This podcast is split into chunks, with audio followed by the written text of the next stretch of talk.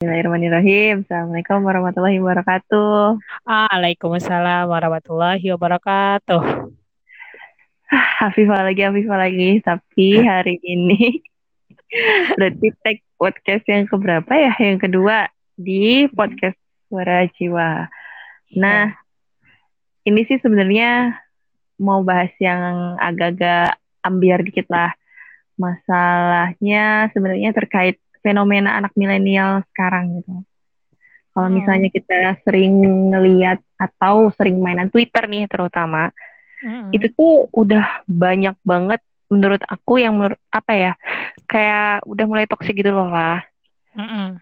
Kayak contohnya eh, mau masakin atau enggak bapaknya itu dibilang Mm-mm. patriarki atau misalnya kayak oh ngebantuin orang tua biaya sehari-hari tuh dibilang manusia robot dan segala macam banyak Oh. banget Ah. udah mulai pemikiran entah toksik terus entah mereka gimana gimana gue nggak tahu jadi nih kalau bagaimana nih pendapat kamu terkait eh fenomena anak-anak yang sekarang tuh udah mulai kehilangan adabnya, terutama mungkin sama orang Hmm. tuanya sendiri. Kayak yang tadi aku Hmm. bilang, eh mau apa tuh namanya, mau nyiapin makanan aja dibilang patriarki, terus mau biayain sehari-hari orang tua aja dibilang manusia robot, Mm-mm. atau mereka tuh kadang tuh juga bilang kayak kita tuh nggak bisa milih kan hidup atau lahir di yang keluarga yang seperti apa. Terus mereka tuh kadang suka gini, ah enak lah keluarga lu, keluarga yang baik-baik, lu dapat privilege. Sementara gimana kalau misalnya di keluarga yang eh, nggak nafkahin, terus nggak ngasih apa ya, nggak ngasih perlindungan yang baik gitu kan, jadi kena kejahatan atau kekerasan dan segala macam. Menurut kamu tuh gimana sih eh, hadapin fenomena fenomena fenomena ini gitu loh anak-anak milenial sekarang kok bisa ya kayak gini gitu. Menurut kamu gimana Menurut aku sekarang, Ciwa, pokoknya apa pun yang di share anak zaman muda, anak sekarang ya, anak muda zaman sekarang, ah, mau itu di Mm-mm. platform apa pun lah, ataupun kayak cuma Twitter, sambat apa yang terjadi sehari-hari kan, kayak gitu. Lagi, ah, ya kan, jadi mau di Twitter, habis itu ternyata aku juga lihat akhir-akhir ini ternyata si TikTok itu juga bisa tuh sharing. Iya, Oh iya? di TikTok itu juga mereka menceritakan apa yang terjadi dalam diri mereka gitu jiwa. Kayak Q&A gitu Bukan, bukan? bukan Q&A, tapi dia kayak foto satu sampai foto lima, foto satu mak gue gini, foto dua mak gue gini, foto ketiga gini, empat gitu loh. Oh, Pernah nggak lihat? gue nggak ngikutin TikTok. Nah, jadi aku kan sering lihat TikTok. explore kayak gitu kan. Mungkin aku lebih anaknya lebih TikTok. Oh, maksudnya ngelihatnya explore di Instagram kan TikTok. Jadi menurut aku gini coba keresahan yang mereka ungkapkan itu adalah karena mereka standar kebahagiaan mereka tuh berubah gitu. Ngerti nggak?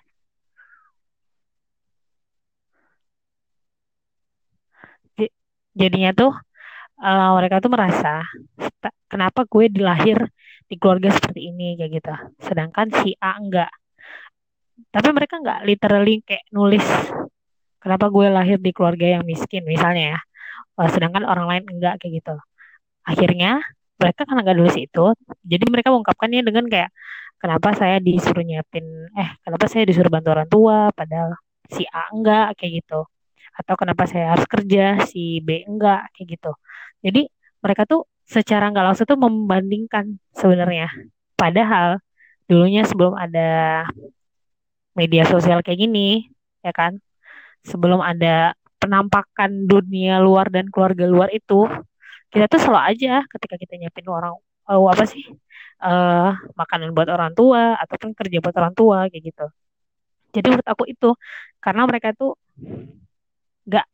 bersyukur gitu loh.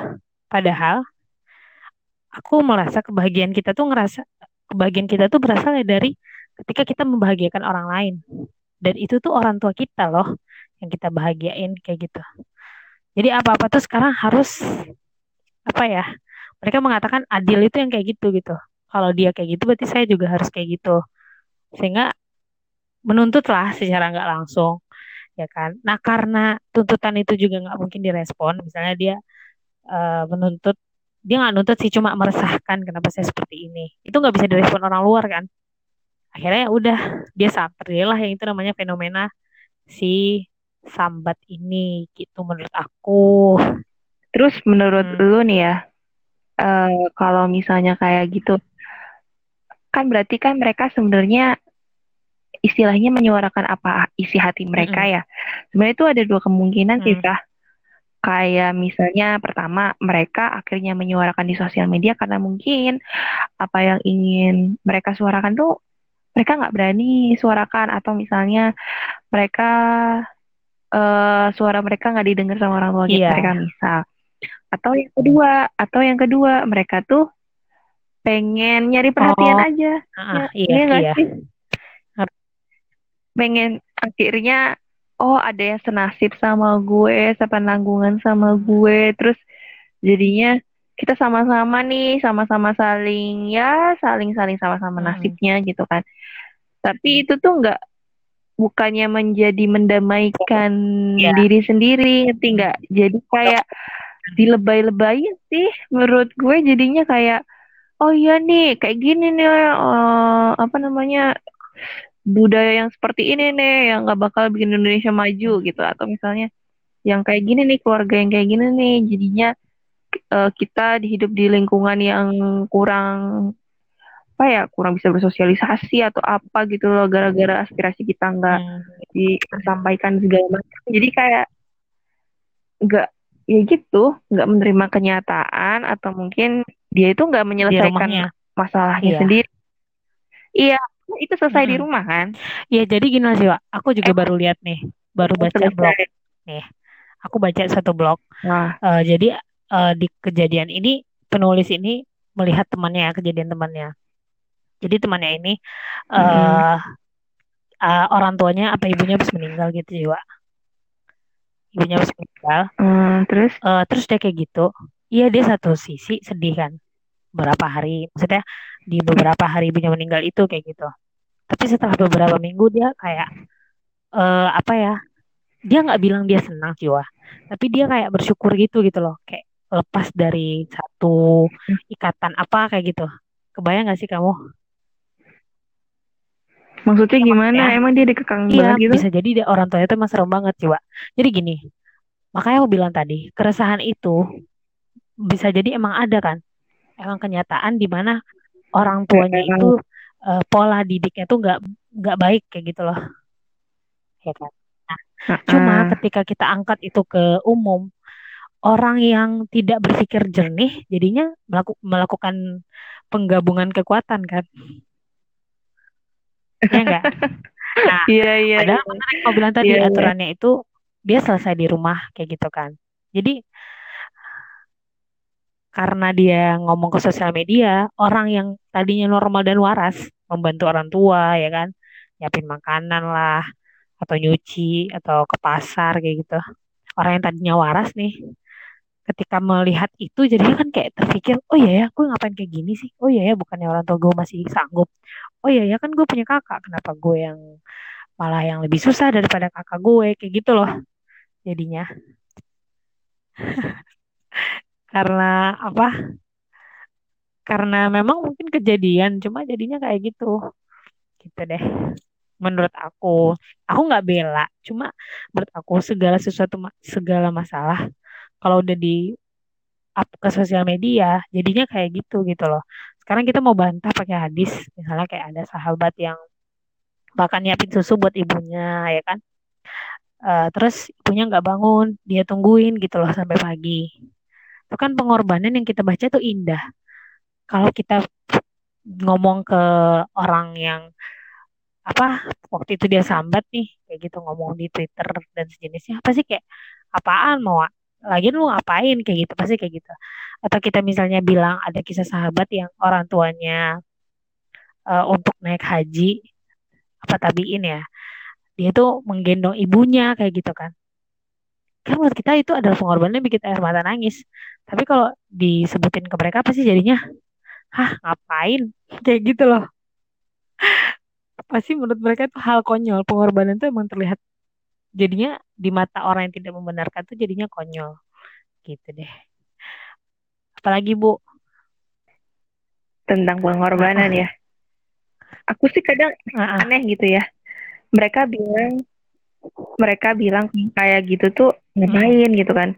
Tapi mereka tuh di satu sisi ngelakuin hal tersebut ke orang-orang yang kayak pacarnya lah, partnernya lah dan segala dia macamnya gak maksudnya sih? ngapain ke pacarnya Kayak tadi kayak tadi tuh misalnya dia menganggap kita pengorbanan sesuatu terhadap orang tua tuh ngapain iya gitu kan. Tapi kalau misalnya kita tuh melakukan pengorbanan ke temennya, ke sahabatnya, ke ah, pacarnya dan segala macam tuh, wah gila, so sweet iya banget, iya romantis benar banget atau wah gila, ini banget, pertemanan ah, banget, ah. kayak gitu ya. Itu tuh, itu tuh kadang ngerasa kok nggak adil ya kalau kayak gitu. Atau mungkin mereka beda beda ini kali ya, iya. beda persepsi terhadap rasa cinta gitu ah, ya. iya benar mereka beda persepsi terhadap rasa cinta benar iya. Jadi ya benar padahal mereka tuh ngelakuin juga namanya pengorbanan kan. Tapi nggak ke orang tua. Mm-mm. pas ke pacar dia anggap itu kayak ya sesuatu yang wajar gitu. Sedangkan ke orang tua yang seharusnya kita memang berkorban gitu tertulis lah gitu ya di hadis dia merasa kayak yang kenapa? gitu.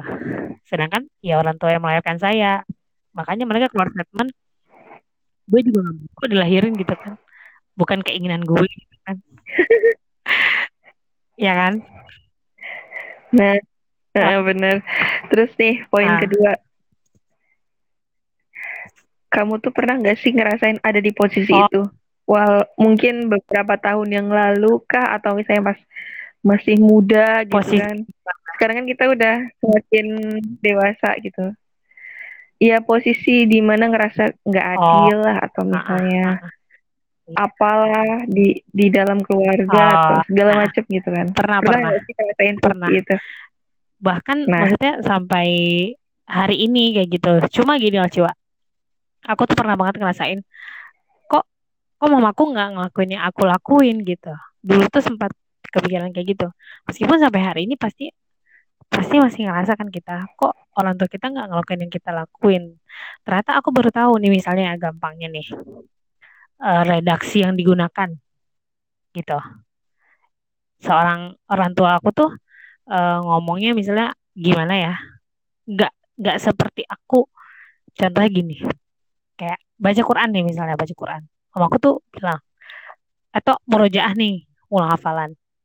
Om aku tuh nggak bilang dengan redaksi eh Fah udah murojaah gitu enggak tapi kayak Fah emangnya udah mungkin gitu ya. Jadi kayak hah mati gue. Kayak gitu loh. Jadi redaksi dan diksi yang digunakan itu ya kok gitu sih gitu. Aku tuh mikirnya ya kan? Karena ya orang tua ya gimana sih pola didik dari orang tua orang tua sebelumnya udah kayak gitu juga kan? Ya itu pasti turun temurun kayak gitu. Jadi aku mikir ya kok gitu sih redaksinya gitu. Sedangkan aku eh, nggak nggak pernah ngomong emang. Jadi kayak ngomong ke mamaku kan gitu. Ini misalnya eh ma emang mau udah siap-siap? Nggak gitu. Misalnya mau pergi nih. Eh, aku cuma bilang kayak ma mama udah siap-siap kan? Kayak gitu. Redaksi itu aku ubah kayak gitu. Ya banyaklah hal-hal gede lainnya yang aku rasa ketika diksi dan redaksi itu berubah aku juga bisa lebih gitu loh meresponnya sebagai anak. Dulu aku sempat berpikir kayak gitu. Sampai one day lah aku diskus sama temanku eh kenapa orang tua tuh kayak gitu? Gitu iya maksudnya gini. Aku jujur sebagai anak eh, pasti pernah ngerasain kayak gue kalau jadi orang tua gue gue nggak mau kayak gini. Pasti pasti ada jiwa kayak gitu loh. Kita kecewa skala besar atau skala kecil pasti ada yang ketika orang tua kita melakukan sesuatu kita langsung bilang dalam hati terbesit kayak kalau gue punya anak gue gak kayak gini gitu. Tapi kalau kita jadi orang tua belum tentu kita bisa eh, apa melakukan yang sesuai anak kita inginkan juga gitu loh sama kayak mama aku. Mama aku tuh mungkin nggak nggak niat mengeluarkan redaksi kayak gitu gitu kan. Tapi karena aku taunya redaksi itu bisa diganti dengan yang lebih baik kata-kata itu jadi aku ngerasa kayak why do you do why did you do this? Gitu. Kok kamu kayak gini? Gitu. Kayak gitu. Nah ternyata pas aku diskus itu sama temanku iya itu hal wajar. Kenapa? Generasi itu jauh banget. Kayak mama aku mama aku ayo mama aku ngelahirin aku umur 8 atau 29 tapi Mm-mm. jauh banget kan. Ya nggak generasi lain 100 tahun. Tapi beda sama aku tuh 28 musim musim tahun. Coba bayangin kan. Kayak gitu. Berarti ya pola didik otomatis berubah dong. Aku udah gede nih. Udah generasi apa sih sekarang tuh? Ya kan? Mamaku tuh termasuknya generasi apa tuh? X. Ya, X kali ya.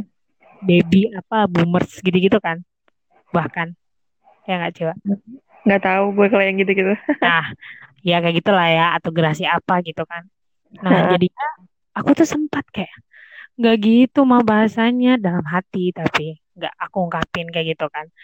Tapi setelah aku mikir-mikir gini sih kasarnya aja ya ibu kita tuh nggak punya ilmu sampai ke situ loh coba ya nggak? Eh, Iya. iya kan?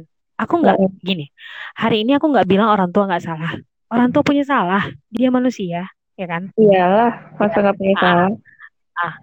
di saat seperti itu aku tuh kayak mau ngomong sama aku mau mama tuh salah karena aku tuh punya temen yang dia itu segampang itu loh ngomong sama ibunya Segampang itu buat kayak gitu ngomongnya. iya jadi kayak dia ngomong bu nggak gitu bu ibu sih aku bilangin dia dia segampang itu loh ngomong sama orang tuanya aku aku yang pola didik orang tua kan otoriter ya otomatis kan kalau aku ngomong kayak gitu pasti ngebingungin nih. Anak-anak zaman sekarang tuh relate banget lah ya. Pasti kayak kalau ngomong dibilang eh, melawan ya kan? Kalau jawab kalau nggak ngejawab gue juga bingung. Pasti kayak dibilang kok diem sih? Jawab dong. Kayak gitu kan sih Iya. aku nggak bisa pungkiri loh Cewa kayak gitu. Cuma aku memposisikannya kayak gini ya ini rumus kita bermasalah di mana pun sih harus ada yang ngalah gitu. Mama aku nggak tahu kalau aku eh, posisinya maksudnya gini eh, kalau aku adalah kepribadian yang seperti ini seperti ini. Mama aku tahu mungkin kayak gitu. Cuma nggak ada ilmu secara tertulis kan. Entah anaknya sanguinis gitu kan. Entah anaknya Enggak. ekstrovert kayak gitu. Nggak Nggak. punya kan ilmu itu. Saat itu aku merasa iya niat. Sekarang tuh aku tuh mikir niat aja. Kalau mamaku niatnya baik ya meskipun kata-katanya kadang salah atau keputusannya kadang kita nggak langsung setuju kayak gitu ya aku masih bisa memaafkan. Meskipun aku sampai hari ini kayak selalu ada temanku aku dulu nggak pernah kepikiran tuh orang tua tuh salah gitu. Sampai temanku bilang suatu hari Fah kalau aku punya anak nih aku bakal catat. Bahkan sejak sekarang tuh aku udah catat. Apa aja pola didik ibu orang tua aku yang bakal aku apa sih Hilang ikut ulangin ah, dan apa yang aku baku bakal aku hilangkan. Jadi kayak kalau aku baca di blog itu kayak learn and unlearn gitu. Rajin sekali guys. Gue aja nggak nyampe. iya bahkan kayak gitu coba jadi aku kalau kamu tanya pernah pernah nggak? Pernah. Sampai hari ini mungkin kayak gitu. Cuma aku lihat-lihat niat lagi lah kayak gitu. Karena aku aku yakin percaya aja sih sama hadis. Sampai aku mikir ya apalagi untuk ibu ya bukan bapak ibu nih ibu Hmm. yang di hadis itu kan tiga kali ya redaksinya tuh kayak tiga kali kan ibumu ibumu ibumu ibumu gitu Mm-mm. sampai suatu hari itu aku pernah mikir gini ini bukan hanya ibu itu perlu dihormati tiga kali daripada bapak tapi ibu itu butuh menghadapi dia kesabaran tiga kali daripada kamu menghadapi bapak Iya sih benar. Benar. Ah, kayak gitu deh jiwa oke oke next next Iya sih kalau aku juga pernah di posisi kayak gitu. Aku sih mikirnya gini sih Pak. Hampir sama kayak Oh. kamu. Intinya lebih ke satu beda zaman dan kedua kita tuh ya mau ilmu parenting kayak gimana pun tuh bertebaran sekarang di internet. Hmm. Mau yang kayak gimana? Mau anaknya tukang apa tantrum lah atau misalnya anaknya kurang apa ya pendiam lah dan segala macam itu semua ada di internet ya nggak sih?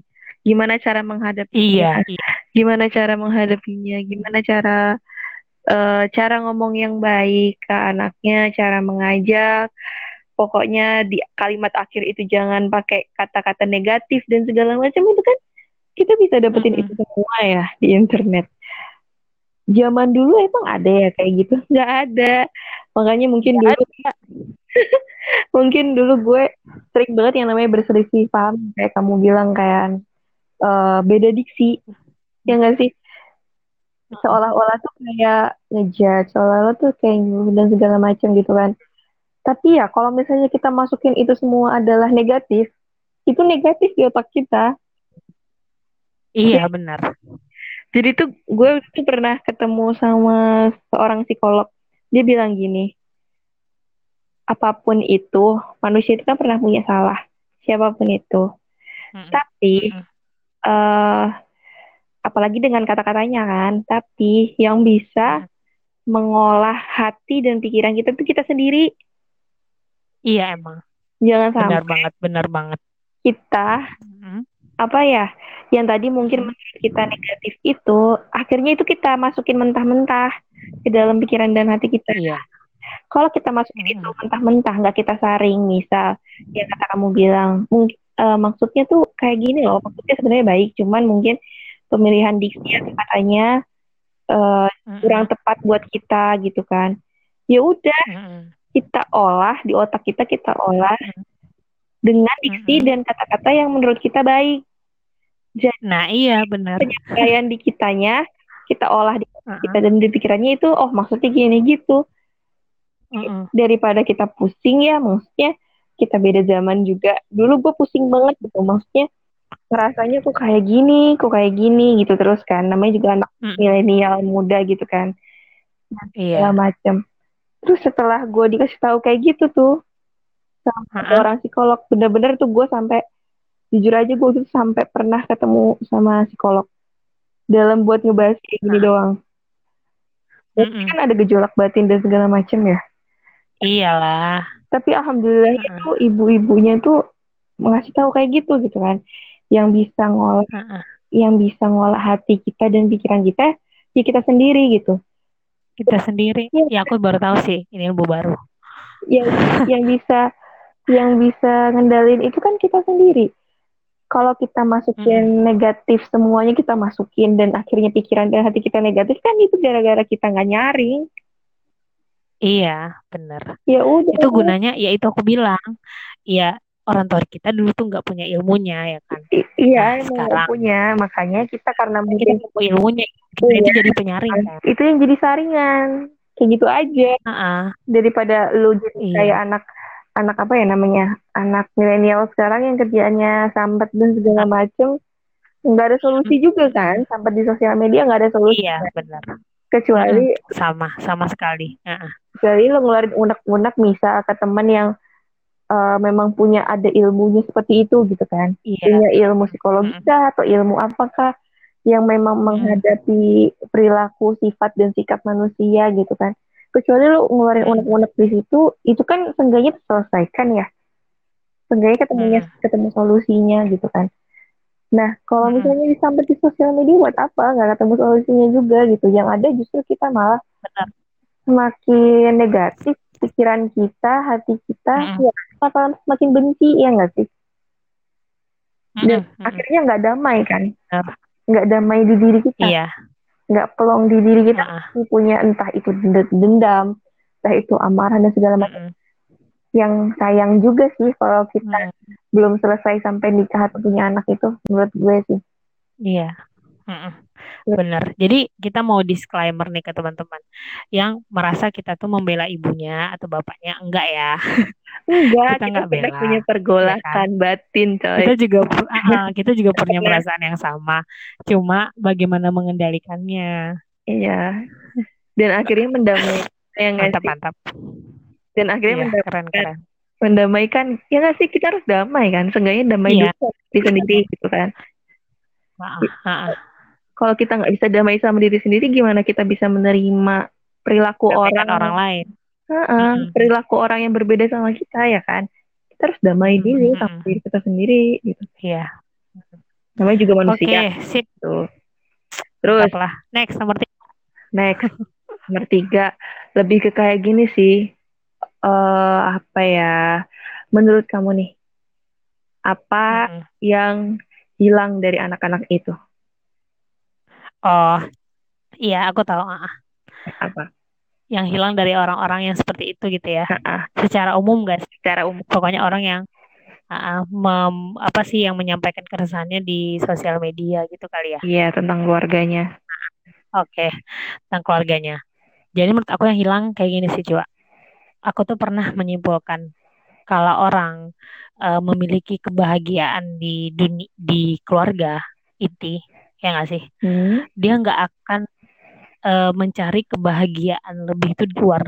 Maksudnya gini, dia mencari kebahagiaan di media sosial, ya. Eh, Tapi itu sebatasnya, kayak gitu. Kalaupun dia merasakan sesuatu yang nggak yang dia rasakan itu bukan tentang keluarganya, gitu. Tapi gini, kalaupun dia merasakan sesuatu, keresahannya itu bukan keresahan normal ya, bukan keresahan positif maksudku. hmm. Keresahannya terlalu negatif lah kayak gitu. Itu bisa jadi karena eh, bukan boundaries ya, itu bonding ya. Jadi kayak itu berarti dari keluarganya itu nggak kuat gitu loh Ciwa untuk mengcover, me- mendidik dia, mem- Bud- untuk menjadikan dia pribadi yang kuat kayak gitu. Gue nggak. Ah, jadi memang karena itu. Mm-mm, kalau menurut aku, karena aku pribadi kayak gini.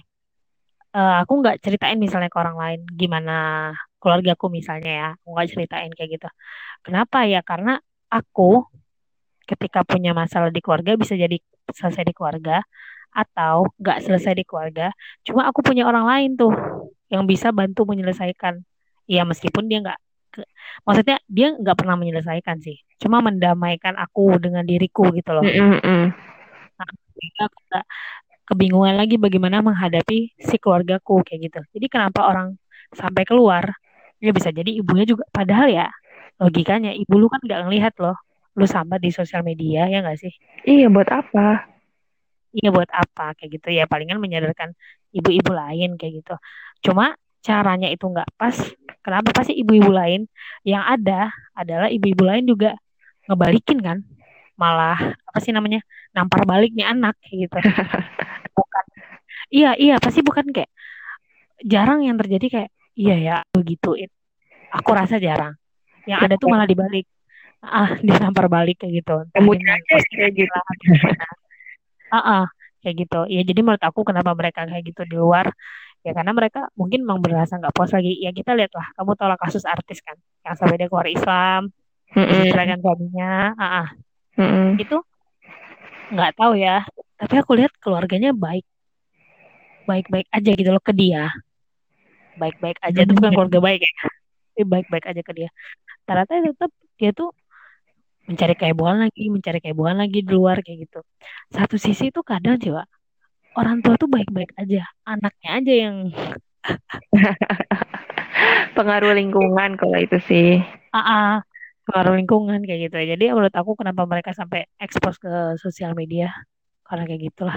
Atau kayak cuma ikut-ikutan. Bayang gak sih? Ini ada teman nih Iya, tersiksa. Ya dia kan? ikut menyuarakan gitu. Ah, ah, jadi kayak dia ikut menyuarakan. Apalagi orang Indonesia ini kan sering ngomong kayak gini, mendingan itu, gua aja begini gitu kan. Orang Indonesia sering kayak gitu. Mendingan lu daripada gue kayak gitu. Itu itu kan tipikal Indonesia banget sih, Wak. Iya sih. Jadi menurut aku, Mending, mending, mending. Barusan ah, gue juga posting mending, mending, mending juga sih, Wah. enggak cuma enggak lah sih, Wak. Tapi kan kita tahu mana yang positif, mana yang negatif gitu loh. Kalau cuma untuk Iya, ditandingi masalah lebih melarat ditanding. Oh iya, benar. Lebih melarat siapa ya ya? nggak sih. Berasa Ah, seolah-olah dia itu korban. Korban yang Nah, paling menderita. iya, korban yang paling menderita emang. Padahal bisa aja terus. kita Ah, komparasi mendingnya ke yang lebih baik nggak sih? iya, ah, ah. Jadi atau gimana ya? Kita menyatakan gini, itu tuh nggak nggak apple to apple untuk dikomparasikan kayak gitu. Kalau maksudnya gini, antara dua anak aja itu nggak bisa dikomparasikan kayak gitu. Apalagi antara pola didik dua keluarga ya kan Anak kembar aja bisa beda kan ya?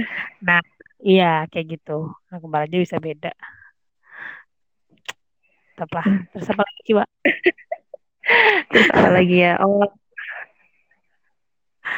tapi nih ya, kalau misalnya ternyata ada orang terdekat kamu, orang terdekat, entah itu teman, entah itu adik, entah itu kakak, yang ternyata melakukan hal Ah. tersebut.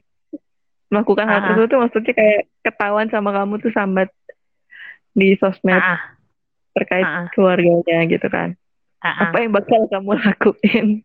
Oh, pertama ya, aku mau mengatakan aku nggak mau toxic positivity. Astagfirullah, toxic positivity ini sampai sekarang sebenarnya aku belum tahu sih ini bagus atau tidak. Cuma aku nggak akan ngomong kayak sabar ya, nggak boleh gitu. Aku nggak nggak mungkin ngomong gitu. Kenapa coba? Ya karena Kenapa?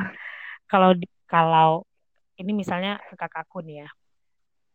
Kalau mamaku kayak gitu ke kakak ke kakak aku berarti mamaku tuh juga kayak gitu ke aku tuh sebenarnya. Ngerti nggak? Nggak mungkin beda. Perlakuannya itu pasti sama sebenarnya. Bedanya nih misalnya kan kakakku ngomong di sosial media, aku enggak ya misalnya kayak gitu. Mm-mm. Aku tuh akan aku tuh nggak akan ngomong sabar sih kalau menurut aku. Karena kayak gini, eh pertama aku membenarkan dulu, iya kak emang kayak gitu, gitu. Tapi lebih baiknya nggak usah di expose ya kan atau di post kayak gitu. Kenapa ya? Satu sisi kita lega, satu sisi ya lega berteriak aja, tapi masalahnya nggak kelar kayak gitu. Aku mungkin akan ngomong kayak gitu gitu. Jadi aku nggak akan menafikan, iya. Kenapa aku aku jujur kenapa aku nggak akan menafikan? Ya nggak mungkin lah beda, pasti sama. Pasti aku juga ngeliat Iya. dengan mata kepalaku sendiri kayak gitu loh. Cuma aku tuh akhir-akhir ini kalau dapet kayak gitu ya kakakku emang orangnya nggak di sosial media sih ataupun aku ngomong tentang keluarga kayak gitu. Cuma kita berdua tuh selalu bilang kayak gini sih Wak udah kak dijadiin pelajaran gitu. Besok kalau punya anak kakak jangan kayak gitu. Itu yang pertama aku selalu bilang. Yang kedua apa coba? Eh, yang apa? yang kedua itu yang sering tante-tanteku bilang kalau misalnya kita keluhin nih. Tante-tanteku selalu bilang kayak gini Fa, Iva belum jadi ibu jadinya Iva bisa aja ngomong aturannya tante aturannya tante gitu loh. Kalau Iva jadi juga nggak kayak gitu gitu. Kejadiannya nanti kalau Iva jadi ibu sama pasti Iva akan bakal ada momen di mana kamu ngomong kayak gitu ke anakmu gitu kata tante aku. Cuma Heeh. ya sekarang gimana kamu siasati merubah gitu. Itu. Jadi aku nggak akan bilang sama kakakku sabar ya kak. Nggak sabar itu nggak? Nggak. Udah Sabar sih sabar memang tuh. menyelesaikan masalah. Cuma ah, ah, di saat itu dia nggak butuh kata sabar. Ciwa. Jadi menurut aku sebenarnya gini pengertian sabar tuh orang sering beda loh Maksudnya? salah. Wah, iya nih menurut aku ya kamu itu penyabar meskipun orang mungkin bilang kamu nggak sabar. Menurut aku kamu penyabar kenapa coba? Dari mana? keluhan sesuatu. Iya Ciwa gini kamu keluhkan sesuatu kan kemarin yang tentang kampus lah pokoknya misalnya ya. Ya kan? Mm. kamu terus mencoba mencoba. Sabar itu mencoba Ciwa kalau diam itu namanya kesel. Kayak gue. Iya Coba. Masih Indonesia mau coba sering salah. ya? gimana? Berarti masih mau mencoba itu berarti sabar ya, walaupun dia ngedumel gitu Sabar, sebenarnya. Ciwa. Iya, nah, gini loh, Ciwa. Nih ya, kamu buka tutup botol, nggak bisa. Kamu coba lagi nggak? Coba lagi. Oke, aku nggak coba. Pada saat itu, yang penyabar kamu atau aku? Aku berarti. Iya, sabar itu mencoba. Diam itu indikasi, bukan otomatis sabar. Salah orang tuh. Tapi kan kadang ada orang yang mengatakan bahwa Mm-mm. diam itu emas gitu kan. Tapi emas-emas tapi mendem gitu ya. Nggak? Iya, nggak. Sekarang nggak zaman dia emas-emas mendem, emas-emas sambat gitu. Iya kan? Dia kayak hide gitu lah statusnya atau postingannya dari temennya lalu dia sampai sama aja enggak. Menurut aku sabar itu ya berusaha untuk membuat keadaan ini berubah. Bukan yang sekedar kayak Ah, ngeluh, bukan jiwa. Ngeluh itu bukan berarti gimana ya orang tuh sering bilang kenapa sih dia ngeluh? Menurut aku dia nggak ngeluh. Kenapa sih dia mencoba untuk melakukan perubahan? Itu yang aku tangkap gitu. Bukan ngeluh enggak beda beda. Ngeluh tuh kok lebih menurut aku ya ngeluh tuh lebih kayak negatif. Kayak gitu deh nah begitulah menurut aku. Ilmu baru nih ilmu baru nih. Ya, sabar itu sebenarnya itu, dia itu, berusaha buat iya berusaha perbaiki ya. Nah, itu bukan dari aku ya itu dari Ustadz nih di ceramah. Aku baca. Aku tuh dulu ngapain coba jiwa? dua satu dua dua satu dua nih yang Ahok. Heboh aku bilang gini ya udah sih sabar aja. Dalam hati aku ngomong kayak gitu. Muslim apa coba gue? Waktu Ahok gituin Quran aku tuh coba bilang ya elah sabar aja sih. Kayak gitu tapi ketika aku melihat ini responnya nasional internasional di situ tuh aku ngerasa ya ya bersabar itu melawan jiwa bukan diam bersabar itu berusaha buat melakukan hmm. yang apa ya istilahnya tadi Fah buat berubah keadaan gitu ya sebenarnya iya uh -uh. kalau kayak aku ini bukan bersabar aku nggak peduli Padahal gue datang lo waktu dua satu dua parah lo. Aku juga datang, cuma ketika awal isu itu diangkat, ya kan, sehingga orang bikin kayak apa sih, apa slogannya waktu itu lupa ya kita. Yang pertama loh cewek, yang pertama banget dua satu dua. Itu tuh iya, aku malah apa ya? Salah mikir. Cuma aku sebagai orang muslim ya kali gue lebih idealisme seorang diri di antara manusia sedunia ya kan. Gue bilang itu nggak sabar, nggak mungkin gue baru tahu gue baru tahu T iya ya orang tuh kadang bilang sabar sih ya udah sih diem aja dan segala macam tapi hmm. sebenarnya itu dia nggak selesai nggak selesai ya. di dirinya. Ya, dia cuma ngomong sabar sabar doang tapi di di dirinya itu nggak apa ya masih ada pergolakan batin. Mungkin gini juga kali ya Fah. Sabar itu kalau misalnya dia diam oke okay lah dia memilih untuk diam tapi itu selesai di dirinya gitu. Iya. paham nggak? Paham. Jadi dia ada usaha yang kata lu tadi bilang, ada usaha buat uh, berubah ke arah yang lebih baik gitu, memperbaiki atau apa ke arah yang lebih baik. Nah, dengan dia diam, kalau dia memilih sabarnya itu adalah diam, dia hmm. dalam diamnya itu dia berusaha mendamaikan dirinya. Iya, bukan mendamaikan keadaan. Mendamaikan keadaan juga dong, maksudnya kayak iya apa ya? Kayak mendamaikan dirinya kan ada ya orang tuh diem tapi dia tuh tetap punya dendam paham nggak oh paham dia paham. dia nggak dia nggak ngebales dia nggak ngebales perbuatan orang tersebut. Dia bilang dia sabar aja. Hmm. cuman dia mendem. Jadinya iya, dendam. ya. jadinya kayak nggak mau udah aku nggak mau deket-deket lagi gitu kan. Uh, ada kan orang yang tipenya seperti ada, itu. misalnya ya udahlah sabar aja lah sama dia mah emang kayak gitu. Tapi dia akhirnya dia nggak mau deket lagi. Dia nggak mau berusaha buat apa sih namanya memperbaiki Perbaiki. gitu. Kan iya benar memperbaiki Sekarang mungkin aja. Mungkin aja kan ada ada sifat yang nggak sama gitu loh hmm. kan kayak tadi aja nih kita sama orang tua kita mungkin aja karena hanya karena diksi hanya karena kata mungkin aja semua orang tuh kayak gitu permasalahannya ya kan hmm. hanya perbedaan diksi hanya perbedaan kata dan segala macam dan itu tuh tidak dan dia tuh di dirinya sendiri tuh tidak memperbaiki atau misalnya mendamaikan pikirannya sendiri gitu. Mm -mm. Mm Jadinya benar. sabar diam versi dia itu adalah ya dia hanya memendam masalah aja gitu. Ya diam ngomong aja.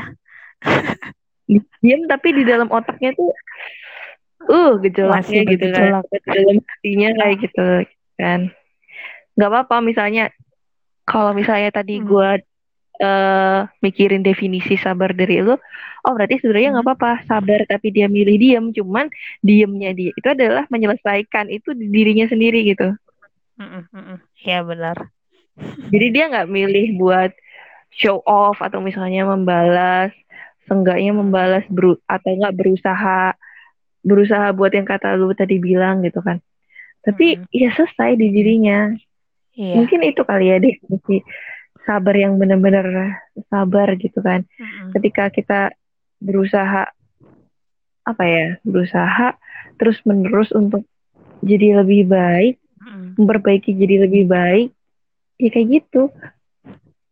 Jadinya sabar kan. Sabar itu kalau orang bilang sabar ada batasnya gitu kan. Atau ah misalnya ada juga yang bilang, hmm, gue mah nggak bisa sabar, cium sama lu. Kan jadi dia mendefinisikan sabar itu berdasarkan objek ya, iya atau berdasarkan subjek jadinya. mm-mm. Jadi kayak misalnya, gue nggak bisa sabar Fa sama lu, berarti kan dia sebenarnya bisa sabar. iya ah ah. iya berdasarkan objek Iya kan? apa Jadi dia ya lah ah subjek apa objek lah. Pokoknya ah, dia tuh mengklasifikasikan sabar itu versi dia adalah ya ketika sama si A gue nggak bisa sabar, ketika sama B gue bisa sabar. Itu mah bukan Mm-mm. sabar namanya cuy. Itu mah lu cuman lu cuman bisa apa ya males istilahnya? merespon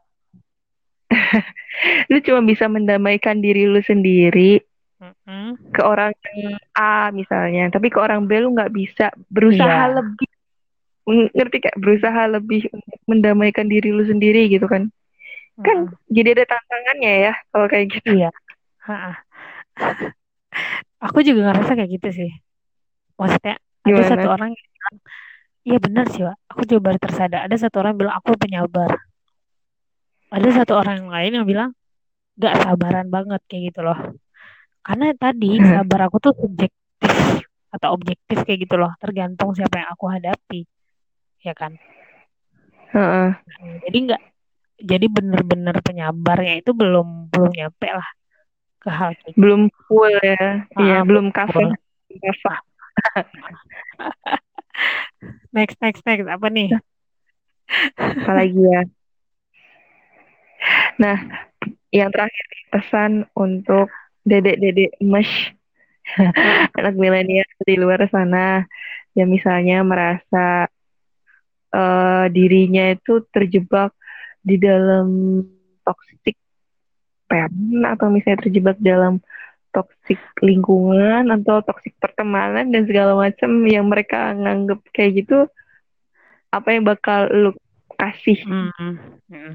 nasihat Iya, atau jangan jadi maksudnya iya ya. Jadi pesannya untuk mereka yang ngerasa gitu kan punya teman toksik atau Iya. keluarga toksik gitu ya. Oh, Heeh. sebenarnya gini, kita sebelum sebelum itu deh ya, aku pribadi aku nggak pernah tahu sih. Kan itu istilah baru kan, sama kayak istilah-istilah yang kita iya dari tadi. Ah, aku tuh pribadi tuh nggak pernah tahu mana yang benar-benar toksik dan tidak kayak gitu. Cuma yang aku tahu dalam Islam tuh ada 10 jenis teman kalau sih, Wak. oh iya Ah, Iya, jadi ada pembahasan kalau salah atau berapa gitu ya jenis teman. Jadi Ciwa, ternyata teman yang mendatangkan ujian yang bikin kita kesel itu teman Ciwa. Mm-mm. Itu cum- itu teman. Percaya gak kamu? Iya. Jadi gini, ini sebelum aku tahu ada 10 jenis persahabatan di dalam Islam nih, aku pernah baca buku Heeh. 17 apa 7 atau 7 pokoknya ada angka 7 7 lah. 7 jenis persahabatan kayak gitu. Jadi eh, dulu tuh aku pernah ngadain forum sama teman aku di SMA. Kita tuh forum jujur-jujuran gitu sih, Wak. Forum jujur-jujuran. Kalau aku nggak suka siapa gitu misalnya. Kayak gitu. Nah, ada teman dekatku yang bilang, Fah, kamu nggak, ayo Fah jujur ngomong, kamu nggak suka sama si I gitu. Aku ngerasa, tapi sebelum aku berantem, maksudnya sebelum aku ngadain forum jujur-jujuran itu, kayak gitu, tembak-tembakan, der, apalah istilah zaman sekarang, kayak gitu, itu di depanku, kayak gitu. Jadi jujur aja, kamu nggak suka tuh di mana, biar kayak ikhlas apalah gitu kan. Nah, Mm-mm. untung sebelum forum itu tuh aku pernah baca diskusi sama temanku tentang buku itu, buku jenis-jenis persahabatan. Jadi ada teman, memang Mm. dikirimkan Allah, dikirimkan Tuhan, diciptakan gitu ya. Kerjanya menguji kesabaran bikin menguji kesabaran. Ya, literally menguji kesabaran kayak gitu. Jadi tuh waktu itu malam itu aku jadi nggak pengen kayak ngomongin ke dia gitu loh, apa salah dia kayak gitu. Karena ya entah mungkin aku pertama bisa jadi aku nggak sabar kan, atau aku mikir ya emang ada tuh jenis orang yang kayak gitu diciptain kayak gitu loh. Dan itu tuh ada loh fungsinya. Itu tuh yang aku mau tekankan. Ada loh fungsinya kayak gitu. Nah, beberapa bulan yang lalu tuh lah aku dapat baca tuh tak artikel tak apa jenis-jenis persahabatan dalam Islam kayak gitu loh. Bukan persahabatan sih teman gitu jenis-jenis teman dalam Islam kayak gitu. Nah ada yang kayak gini fungsinya itu untuk apa? Ya anak zaman sekarang sebutlah jenis apa sih? Ada orang toksik gitu kan. Entah itu orang tua bos teman pacar lah mereka nyebut atau keluarga ya kan? Atau bawahan atau staff kayak gitu. Guru siapa lagi sih? Lah ya tetangga toksik ya kan? Kayak gitu. Jadi di situ tuh aku ngerasa oh ya si toxic toxic people ini kayak gitu. Nah itu tuh memang ada dan pesannya itu adalah ya kita kalau nggak mungkin menghindari nggak mungkin. Kalau kita bilang kamu harus menghindari ya nggak mungkin pasti ketemu lagi kayak gitu kita bakal jadi orang yang milih-milih teman jadinya. Kayak nggak teruji gitu loh. Oh dia toksik tinggalin toksik tinggalin. Kayak gitu. Delkon delkon gitu lah istilah anak BBM ya. Delete delete delete kayak gitu. Jadinya ya aku ngerasa buat orang yang ngerasa ada toksik toksik kayak gitu ya memang ada sih orang harus dihindari. Tapi bukan berarti kita tuh nggak nggak bersahabat sama dia lagi kayak gitu. Karena gini kalau di buku Ustadz Salim Afilah yang aku baca ketika kamu merasa di sekitarmu gelap ya kan? Alias kayak ketika kamu merasa di sekitarmu itu toksik gitu. Tidakkah kamu berpikir Allah tuh menurunkan kamu sebagai cahaya gitu? Ya kan? Jadi kamu lawannya toksik itu apa sih? Medisin obat lah kayak gitu ya nah jadi kayak gitu buat orang yang selalu bilang toxic parent, toxic apa kayak gitu. Ya emang ada, mau kita hindari juga bakal ketemu lagi selama lu masih hidup. Akan ada yang namanya toxic people. Pasti ada kayak gitu. Tapi bisa jadi kita itu ada untuk perubah keadaan gitu. Bukan mengatakan ya udah saya hindari, saya hindari, hindari. Kamu mau lari ke mana pun, sampai kamu berdua nih sama orang atau bertiga, pasti bisa jadi dia itu toxic. Bahkan beberapa hari yang lalu aku mendapatkan, kok sahabatku sendiri toxic ya, kayak gitu. Orang yang aku trust lah selama ini percaya. Ternyata dia juga. Kayak gitu. Jadi intinya menurut aku yang atau aku juga pernah dapat ini yang lebih kasarnya tentang toxic toxic ini. Jadi orang itu bilang nih aku lupa aku dengar di podcast apa baca gitu. Ya lu jangan sibuk selalu bilang toxic toxic toxic. Jangan-jangan lu juga gitu kita ngerasa sekitar kita itu kayak toksik kita punya toksik kayak gitu. Ya pernah nggak sih mikir jangan-jangan kamu juga toksik gitu? Ya kan? Kan kamu juga manusia berarti kamu punya kemungkinan itu kayak gitu. Khususnya nih misalnya dia bilang orang tuanya toksik kayak gitu. Ya gimana ya? Aku nggak tahu lagi kecuali orang tua itu memang bener ya. Allah tuh bilang di Quran jadi harus bermuamalah sama orang tua apa pun yang terjadi kecuali satu aja batasnya. Kalau dia udah suruh kamu musyrik maka tinggalkan kayak gitu. Itu kan parah ya. Tapi kalaupun kamu orang tua kamu musyrik entah itu belum masuk Islam atau murtad nauzubillah ya atau ketika kamu masuk Islam kamu dimusuhi tetap aja uh, muamalah lah dengan mereka dengan muamalah yang baik kayak gitu. Itu batas sih di Islam. Jadi menurut aku belum ada orang tua yang too toxic ya, terlalu toxic, apalah bahasa Inggrisnya, kayak gitu. Kecuali sampai dia tuh nyuruh anaknya murtad, kayak gitu. Mungkin pasti hadis yang menyatakan harus menghormati orang tua itu pasti ada manfaatnya dalamnya. Cuma mungkin kita belum ketemu kayak gitu. Ataupun ya orang tua kita nggak toxic sampai nyuruh kita murtad, cuma kok dia itu misalnya orang tua kita beliau-beliau itu gitu ber melakukan kita memperlakukan kita nggak sesuai yang seharusnya kita rasa ya di situlah letak uh, ini kita berbakti kita. Kayak gitu menurut aku. Karena aku sampai sekarang masih kayak mengimani bahwa ya Allah turunkan orang tua itu ada manfaatnya. Allah lahirkan kamu tuh ada manfaatnya. Sekarang kamu logika aja lah. Kamu nggak mungkin kan balik ke rahim ibumu terus kayak minta nggak dilahirkan nggak mungkin kan gitu. Jadi ini udah terjadi. Bukan maksudnya udah berlalu terus bubur jadi nasi nasi jadi bubur. Enggak bukan kayak gitu. Cuma ini udah terjadi berpikirlah gimana ya. Pasti ada jalan keluar. Kalau istilah temanku tuh ya ini masalah nih. Toxic people lah parent orang tua eh apa sih teman gitu. Ini masalah tuh udah takdir Allah gitu. Ya kita itu pasti dikasih naluri sama Allah gimana kita bertahan gimana kita menyelesaikan waktunya ya nggak lama eh meskipun kayak lama atau apa ya ya itu waktu itu mengobati. Bukan mengobati sih ya seiring berjalannya waktu pasti terjawab. Kayak gitu ya Bu Ciwa gue juga pernah ngerasain yang namanya di sekeliling gue itu toksik banget lingkungannya. Dalam arti perkumpulan yang gue ikuti, komunitas atau organisasi yang gue ikuti itu kayak orang-orang sekitarnya tuh kayak uh, apa ya istilahnya melemahkan gue, nggak membuat gue berkembang dan segala macam. Pernah mm -mm. di satu sisi kayak gitu, Fa. Kayak orang-orang yang udahlah ngapain ngelakuin kayak gitu toh nggak akan merubah keadaan juga atau misalnya udahlah ngapain sih masih di sana toh lu nggak dapetin apa-apa juga di sana mending mending cari tempat yang lain mending cari haluan yang lain mending cari uh, apa sih namanya? Circle. lingkungan yang lain circle yang lain. Yang di sana mah udah nggak udah nggak kondusif ya di sana mah. Kapalnya udah mau tenggelam dan segala macam dan segala macam hal-hal yang seperti itu gitu kan.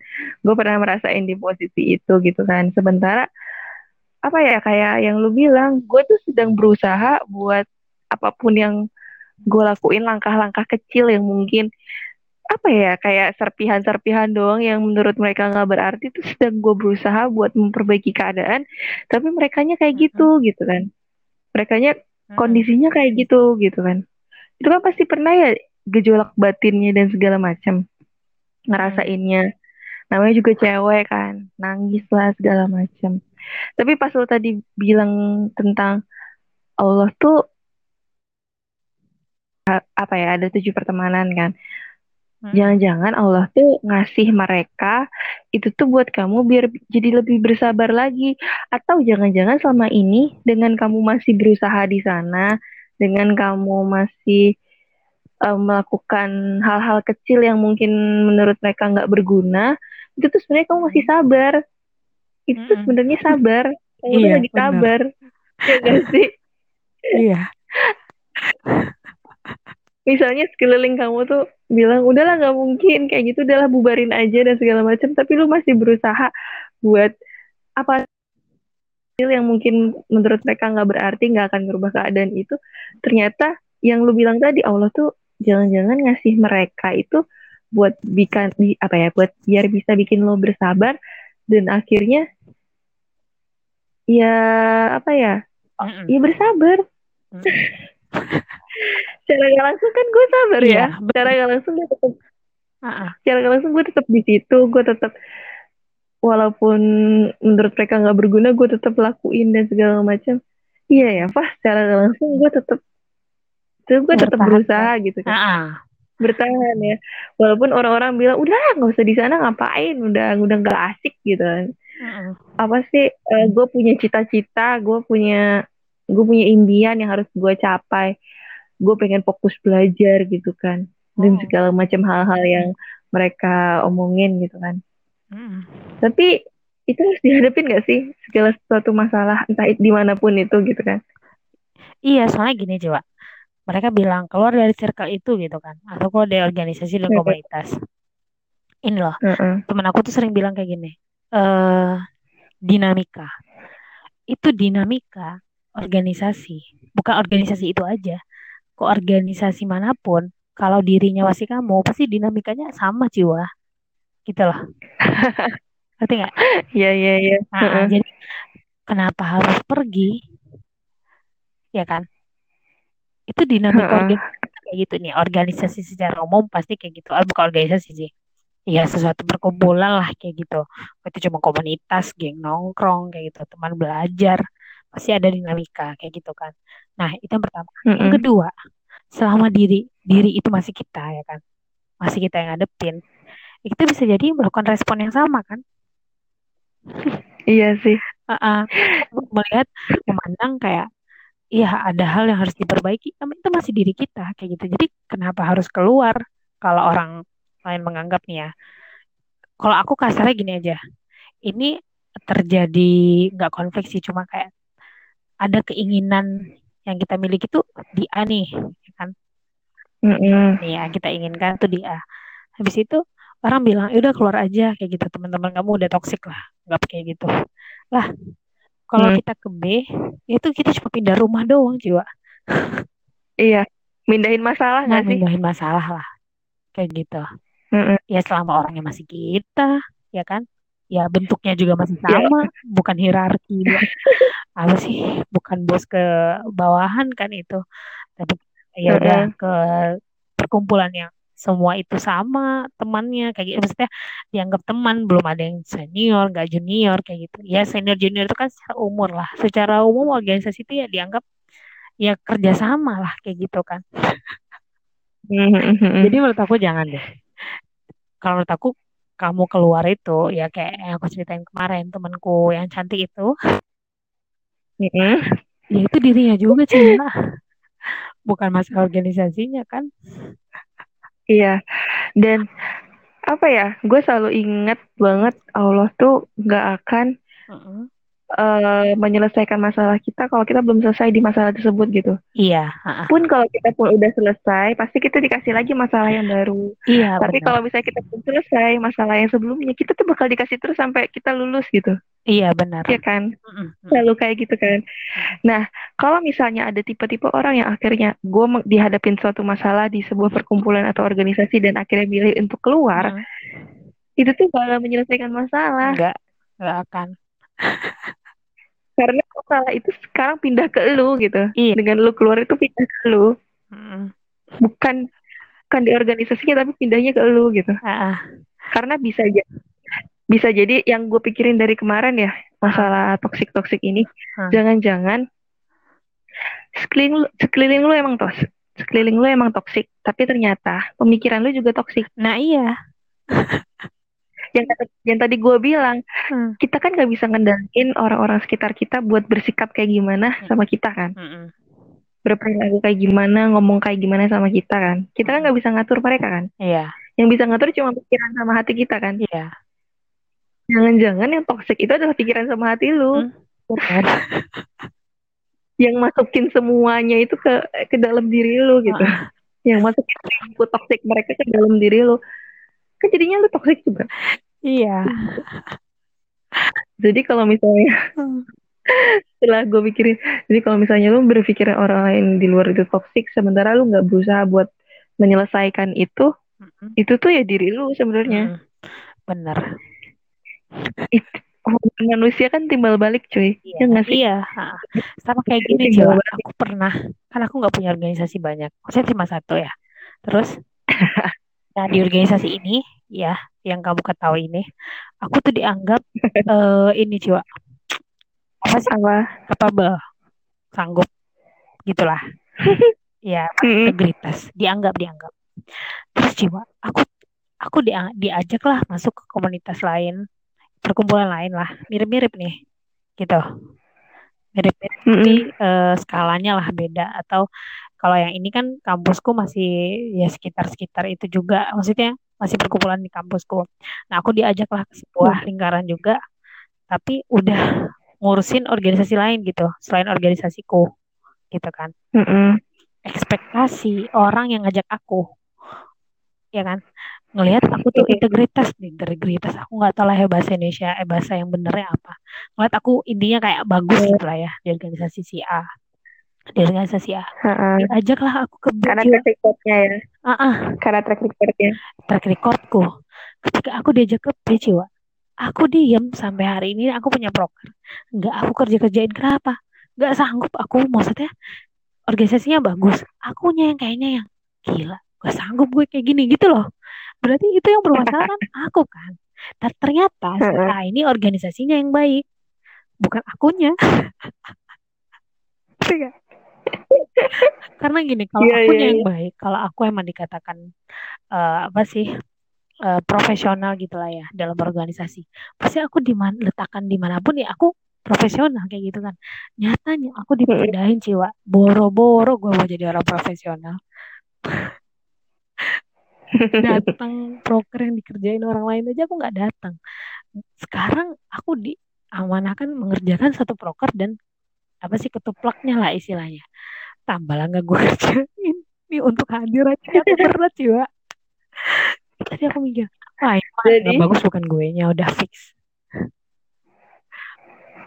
Yang bagus bukan gue nya ini masalahnya di gue nya Ah, ah, ini. ah, masalahnya di gue udah. Udah fix. Fix udah.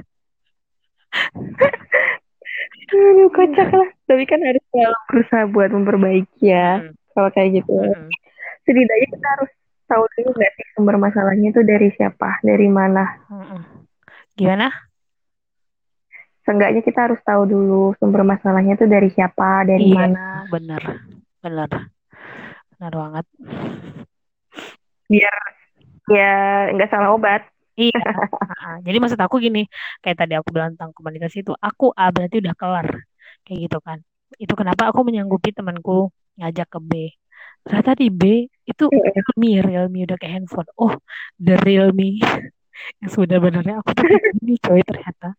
Gue bahkan kayak sampai ternyata ya "Ah, ah, boro-boro menggerakkan eh, kepanitiaan, ngadiri ngadiri proker orang aja gue nggak ini gitu loh, nggak bisa.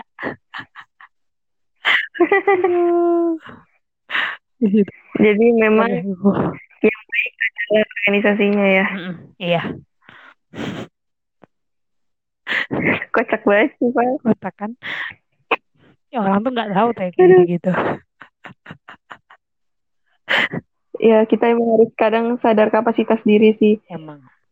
sama ini sih pak hmm, terakhir terakhir mulu ya gue terakhir terakhir mulu Mm-mm. ini ada tingkat gue deh tadi tuh pernah bukan pernah tadi tuh cerita tentang kak aku tuh insecure orangnya lah insecure kenapa kata gitu Mm-mm. kan Mm-mm. karena aku tuh ngerasa orang-orang yang di dalam perkumpulan tersebut tuh udah wah banget lah udah keren banget lah udah udah jauh banget sementara aku masih segini-segini aja Mm-mm. ya udahlah aku pindah haluan aja Nggak, nggak, nggak.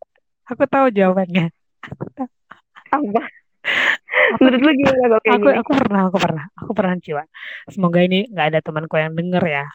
Aku pernah di SMP, sebelum SMP ku yang terakhir aku tamat. SMP sama Heeh. nih, sama-sama di Padang. Pokoknya suatu pesantren lah. Sebelum aku ke SMA yang ini, ada satu pesantren. Aku tuh nggak lulus nih Ciwa. Nih ya SMA aku ini, yang aku tamat, anggaplah SMA B. Gitu. Mm-mm. Aku masuk itu sebelum ke SMA SMP B ini, aku masuk satu semester di SM, di SMP A. Gitu. Mm-mm. Lu bayangin, itu orang. Aku tuh nggak lulus ke yang B. Akhirnya aku masuk A kan. Ciwa, tahu nggak kamu bayangin ya? Di A itu, aku juara dua. Lah, mama aku tuh nggak puas. Kenapa? Karena kenapa anak gue pintar. Gitu loh. Astagfirullah Sumpah. Aku nggak puas karena ya kamu tuh dibuang loh. Kamu tuh dibuang dari B masuk ke A. Ya pantas kamu pintar gitu. Jadi mama aku nggak puas gitu. Kenapa kamu aku pintar? Mm-mm. kecuali aku bodoh juga di sana berarti emang aku yang bodoh gitu loh berarti perlu di upgrade gitu kan akhirnya mama aku nggak puas mama aku ngotot gimana caranya aku masuklah ke sekolah B yang aku tamat sekarang kayak gitu di sekolah B Ciwa Mm-mm. sumpah gue ranking berapa terakhir gitu lu bayangin ranking berapa terakhir kan terus aku ngadu dong ke mamaku mah Iva ranking segini yang kayak gitu tuh ya kan belum lagi di pesantren A itu aku nggak pernah belajar matematika, fisika, biologi, GLB, GLBB gitu. Gua nggak ingat. Nah, pas pindah-pindah ke pesantren B, GLB, GLBB, hah apaan nih kayak gitu. Ya kan? Terus ya udahlah pelajaran-pelajaran fisika apa kayak gitu kan. Habis itu udah kayak gitu, aku bilang, aku ingat sampai sekarang, Fa, lebih baik dianggap bodoh di lingkaran yang pintar daripada kamu, maaf nih ya maaf, di ling dianggap pintar. Dianggap jahat mak lu gile bener didikannya coy. Serem ya gue. Salam kocak salam. banget. Salam gadis Minang deh pokoknya gue metal emang tapi kita ketawa ya bukannya Iko gitu banget? Gitu. tapi Jadi kita kayak gini. ketawa. Ah kenapa coba? Belum konklusi. Konklusinya coba. Konklusinya adalah karena gini. Iva kalau aku tetap di pesantren pesantren A. Pesantren A itu image-nya adalah ya pesantren yang biasa aja. Ya bukan besar banget. Biasa aja gitu. Jadi kamu dianggapnya biasa aja. Tapi kalau kamu pesantren B, itu pesantren B dianggap punya orang-orang pintar, gitu kan. Jadi, kalau kamu gitu loh. Jadi image kamu apa? Bego apa pintar? Pintar. Itulah jawabanku kepada wahai wahai adik kelas Ciwa, junior Ciwa yang bertanya. Astagfirullahaladzim. Ya nggak apa-apa, nggak apa-apa. Ya nggak apa-apa ya, nggak apa-apa ya, Bu. Apa ya? Terlihat nggak bisa di lingkungan orang-orang yang pintar, di perkumpulan yang pintar. Tapi kan orang bakal ngelihat kamu adalah di perkumpulan Nah, tersebut ya nggak iya, sih? bodoh amat kamu pintar apa enggak. Orang luar kan nggak akan tahu apa yang di dalam ya. Iya, benar. Bener juga sih, Pak. Bocah. gue kepikiran itu loh, gue nggak kepikiran. Gue jawabnya apa coba sama adik kelas gue, gue jawabnya gini. Hmm. Kalau kamu pindah, pindah haluan atau pindah pindah perkumpulan, Mm-mm. itu kamu cuma mindahin masalah doang. Iya, satu sisi benar. Satu sisi, kamu tuh cuma pindahin masalah doang. Bukan bukan perkumpulannya yang harus kamu pindah atau harus istilahnya apa ya harus cari ini baru lah, Mm-mm. cari keahlian baru. Bukan itu yang harus kamu cari gitu. Harus kamu rubah bukan, tapi insecure kamu yang harus kamu rubah gitu. Kamu hilangin gitu. Mm-mm, Benar. Jadi aku pernah baca nih cara menghilangkan insecure itu. Nih bahasa Inggris insecure insecure. Berarti menjadi secure itu gimana caranya coba? Gimana? Nih, kamu ya dari kata-katanya in plus secure kan. Cara menjadi Uh-uh. secure gimana? Menghilangkan apa? In. Ya udah sih, Wak. Kayak gitu rumusnya. Jadi kamu merasa bodoh karena kamu tidak membaca buku kan, karena nggak belajar kan. Kamu insecure karena kamu merasa bodoh. Ya udah belajar supaya kamu secure. Segampang itu menjadikan dari insecure jadi secure. itu aku baca loh. Aku nggak ngarang nih, wahai, wahai, wahai rakyat podcast suara Ciwa nih.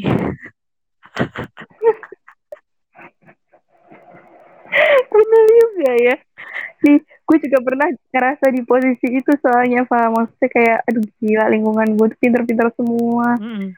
Gue harus baca apa, harus baca apa. Mereka udah bacanya ngebut dan segala macam. Mm-mm. Iya sih, satu doang ininya. Hmm. Belajar, baca. Ya Iya, sih? iya, belajar. Cuman kadang, kadang ini gak sih? Kok gue jadi mikirnya gini ya, Pak? Mm. Ketidakmauan kita. Kita kan nggak mau tuh. Kita bi kita bisa aja mampu kan. Belajar itu kita bisa mampu kan. Bisa mampu, bisa enggak kan. Tergantung kemauan. Mm-mm. Ketidakmauan kita itu dijadikan sebuah fenomena yang istilahnya kayak itu hal biasa gitu. Iya, iya. Hal yang Bisa gitu ya. Sah-sah saja gitu. Sah aja kalau gue merasa insecure. Mm-mm. Sah-sah aja kalau gue merasa gini orang yang orang lain juga kayak gitu gitu kan. Iya. Padahal iya bener sih. Padahal buat menyelesaikannya itu adalah ya lu belajar kayak yang lebih, Mm-mm. lebih ini gitu kan. Ya lu baca kayak lebih dalam atau misalnya lu belajar nulis kayak segala macam. Solusinya semudah itu ya. Mm-mm. Tapi kitanya aja yang nggak mau gitu. Kita aja yang udah kita tuh kayak udah dipakai tameng, udah ada tameng. Oh, udah nih saya punya alat nanti kalau ditanyain orang kenapa saya keluar gitu. Atau saya mundur Karena saya karena insecure. saya insecure. Udah, kayak insecure nih kayak apa ya jiwa aku tuh. Istilah-istilah baru ini kayak aku gak ngerti lagi kayak surat polisi atau apa kayak udah oh sah nih kalau udah ada gini. gitu orang kayak oh iya sih wajar gitu loh kayak mau wajar Wa- Mewajarkan diri. padahal itu tuh bisa dirubah.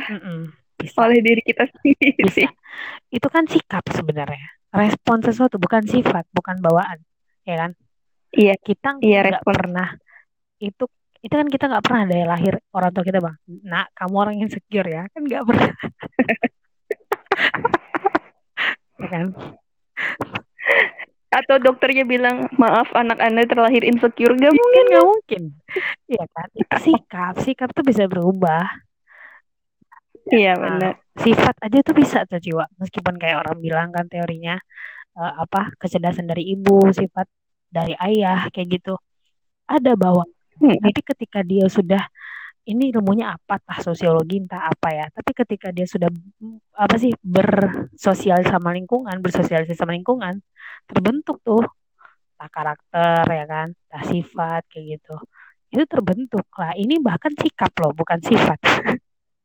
Lebih bisa lagi semuanya berubah. Orang insecure baru apa kata-katanya insecure itu baru viral dua tahun kok. Kamu lahir udah berapa tahun? Iya juga ya. Kamu udah umur berapa tahun coba? Orang insecure baru happening di dua tahun belakangan ya. Iya, ah, bener. Bener juga sih. Aduh, gue pusing lah semakin banyak yang aneh-aneh gitu Iya. lah. Semakin banyak istilah-istilah aneh yang akhirnya happening Mm-mm. dan itu tuh menjadi pembenaran buat anak-anak milenial Benar, sekarang. benar, benar banget. Pembenaran itu bukan kebenaran kan sebenarnya. Dia bikin pembenaran. Bukan. Ah, emang. Pembenaran itu hanyalah entah kata, entah sifat, entah apa pun yang diulang-ulang. Mm-mm.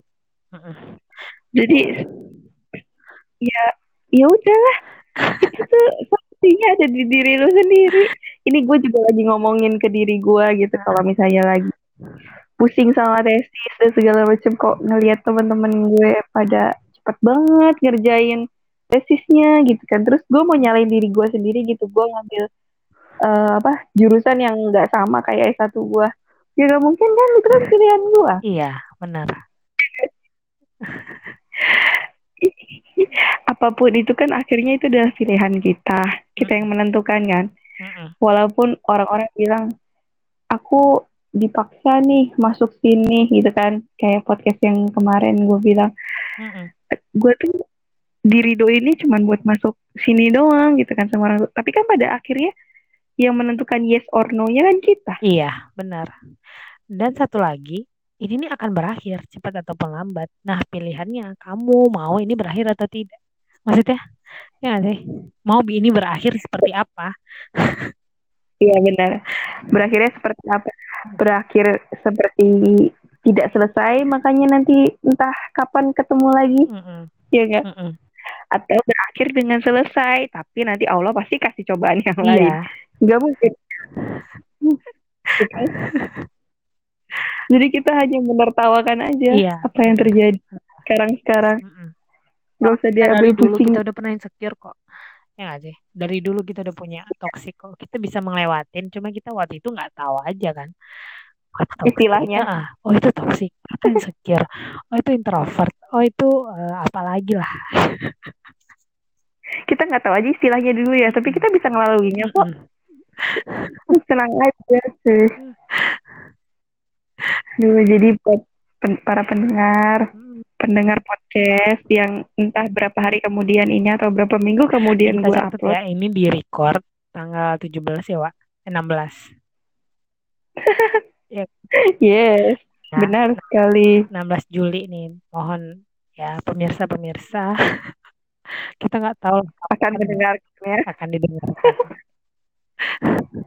di tanggal berapa. Mm-mm. Karena podcast yang sebelumnya belum saya edit juga. Iya, nanti ada akan ada gunung emas datang ke sosial media Anda. Gunung. ya. Ini walaupun kita ambiar sambil ketawa-ketawa, Ah, ah. gak jelas. Tapi setidaknya ambillah yang baik-baiknya ya. Mm-mm. Ya ambiarnya adalah kita emang mau serius tuh susah gitu Iya. kan. Kalau udah ngobrol mau serius tuh susah. Bawaannya kayak mau sidang gitu kan, kalau serius gitu. Mau ngapain sidang makalah, Bu? Iya, sidang. Sidang makalah DM, Bu. Mm-mm, sidang Ngapain? sama DM. Itu aja aku nggak serius, entah kapan aku serius juga aku nggak tahu. Oke, nanti di podcast selanjutnya yaitu di podcastnya Hafifah bakal lebih membahas lebih dalam nih tentang pola didik asik, lebih ke parenting parenting nih. Jadi podcastnya Hafifah adalah yang serius dikit gitu kan. Tapi kalau orangnya masih aku, Nggak tahu. gitu saya saya podcast si uh, suara jiwa. Ini udah kayaknya kalau digabungin semuanya udah sejam lebih. Hmm. Kita tutup dulu untuk podcast kita pada malam hari ini di tanggal 16 Juli 2020. Semoga nanti ada hikmahnya, semoga yang baik bisa diambil, semoga mungkin ada yang kisah-kisahnya tersampaikan di podcast ini bisa mengambil sisi baiknya. Amin. Amin. Kita tutup dengan baca alhamdulillah. Ih, kayak mau curhat. Alhamdulillah Assalamualaikum warahmatullahi wabarakatuh. Waalaikumsalam warahmatullahi wabarakatuh.